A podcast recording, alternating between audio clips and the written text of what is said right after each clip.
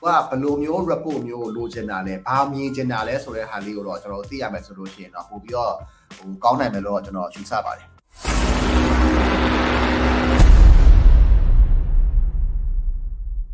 ဒိုရာအမွန်မေးထားတာက digital marketing ကို budget ချပေးရောအောက်ဆုတ်ဆက်တွဲပြီးတော့ data အလုံးလုံးနိုင်ရုံဆိုဘာတွေလေ့လာရမလဲတဲ့အချိန်မရှိလို့ outsource ပဲသုံးဖို့ရည်ရွယ်ပါတယ်ဆိုတော့တတိယအဆင့်ကတော့ဗာလဲဆိုတော့ report ဖတ်တဲ့ဟာဆိုတော့ ဟို reporting က agency တွေဒီပုံမှန်တိုင်းကတော့ကျွန်တော်တို့သူတို့ရဲ့ standard report template ကတော့ agency တော်တော်များများမှာရှိတယ်ဒါပေမဲ့ကိုကဘယ်လိုမျိုး report မျိုးကိုလိုချင်တာလဲဘာမြင်ချင်တာလဲဆိုတဲ့ဟာလေးကိုတော့ကျွန်တော်သိရမယ်ဆိုလို့ရှိရင်တော့ပို့ပြီးတော့ဟိုကောင်းနိုင်မယ်လို့ကျွန်တော်ယူဆပါတယ်အဲအဲ့တော့ကျွန်တော်ဒီမှာဘာကိုပြောချင်တာလဲဆိုတော့ကိုယ်အနေနဲ့အဲ့လောက်ကြီး learning လုပ်ဖို့အတွက်ကိုအချိန်အင်အားနဲ့ budget နဲ့ရှိလားပေါ့နော်အဲ့ မရှိဘူးဆိုလို့ရှိရင်ကကျွန်တော်တခုလေးအကြံပေးလို့ရတာက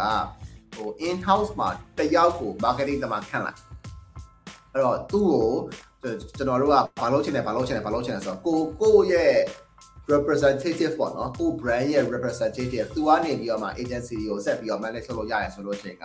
ကိုအတွက်ကိုလည်းအများကြီးပို့ပြီးတော့အချိန်တွေငွေတွေအင်အားလူအင်အားတွေဆင့်ဖြစ်နိုင်ပါတယ်လို့ကျွန်တော်တို့မြင်ပါတယ်